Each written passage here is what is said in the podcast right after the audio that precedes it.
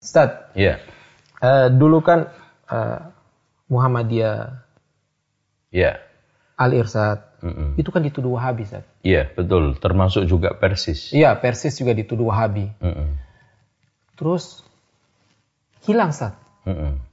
Hilang redup gitu loh. Iya. Sekarang muncul lagi, kan tambah keras, Ustaz. Mm. Apakah ada ada apa ya? Negara atau ada paham atau apa yang Pihak tertentu Iya, yang yang, pihak tertentu yang- goreng, memanas-manasi, provokasi ya. kompori atau memang ini Ustaz, bermain di situ Ustaz. Ya Iya. contohnya Syiah gitu atau yang lain coba. Ya. Memang kalau kita lihat sejarah Syiah di Indonesia ini timbul tenggelam. Dan Syiah itu sudah masuk ke Indonesia sejak abad ke-10 Nomor 10 ya. Masehi. Dan selalu menimbulkan kontras antara umat. Bagaimana umat Sunni dengan eh, kaum adat diadu di Sumatera oleh Syiah di belakangnya ternyata. Kemudian di Jawa, bagaimana akhirnya Amangkurat satu membantai di eh, alun-alun Surakarta 6.000 ulama kiri kedaton.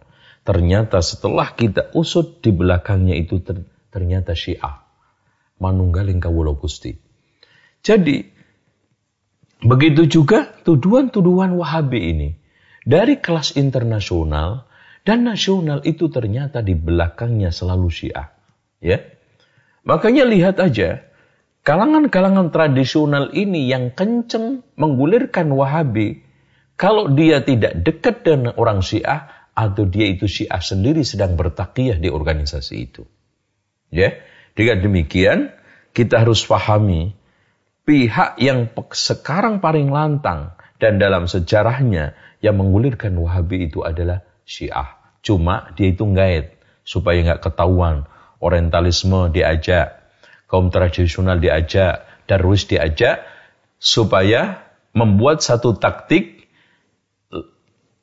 melempar batu sembunyi tangan, maling teriak maling. Ini ini yang harus kita pahami. Dan kita juga jangan lupa sejarah di mana pun Syiah itu ada, pasti yang diserang dulu adalah mereka yang mengajak kembali kepada Al-Quran dan Sunnah. Kenapa? Karena pihak inilah yang nanti paling tahu kebobrokan Syiah itu. Kemudian tahapan kedua menggulirkan isu-isu Wahabi untuk memojokkan yang mengajak kembali kepada Al-Quran dan Sunnah dan tahu kebobrokan Syiah itu. Nah, pihak yang ketiga, mereka mengajak masa-masa yang ini, yang darwis, yang tradisional, yang orang-orang awam ini, sambil bertakiyah, kayak-kayak bagian dari mereka, mengajak untuk menyerang, entah berupa pemikiran atau fisik. Ini yang harus kita pahami.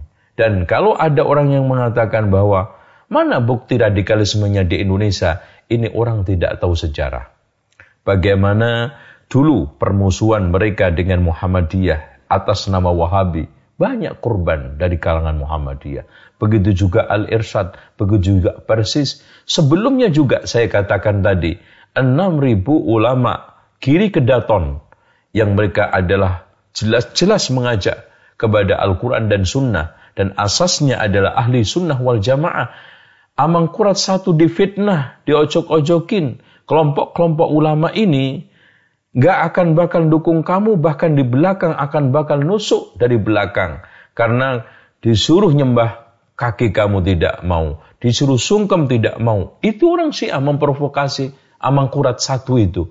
Sehingga dengan eh, prinsipnya dia yang sudah terpengaruh dengan akidah manunggaling kawula Gusti ala Syiah mengatakan kalau saya itu Tuhan, maka apa saja yang saya lakukan adalah sah, maka saya membunuh mereka juga sah.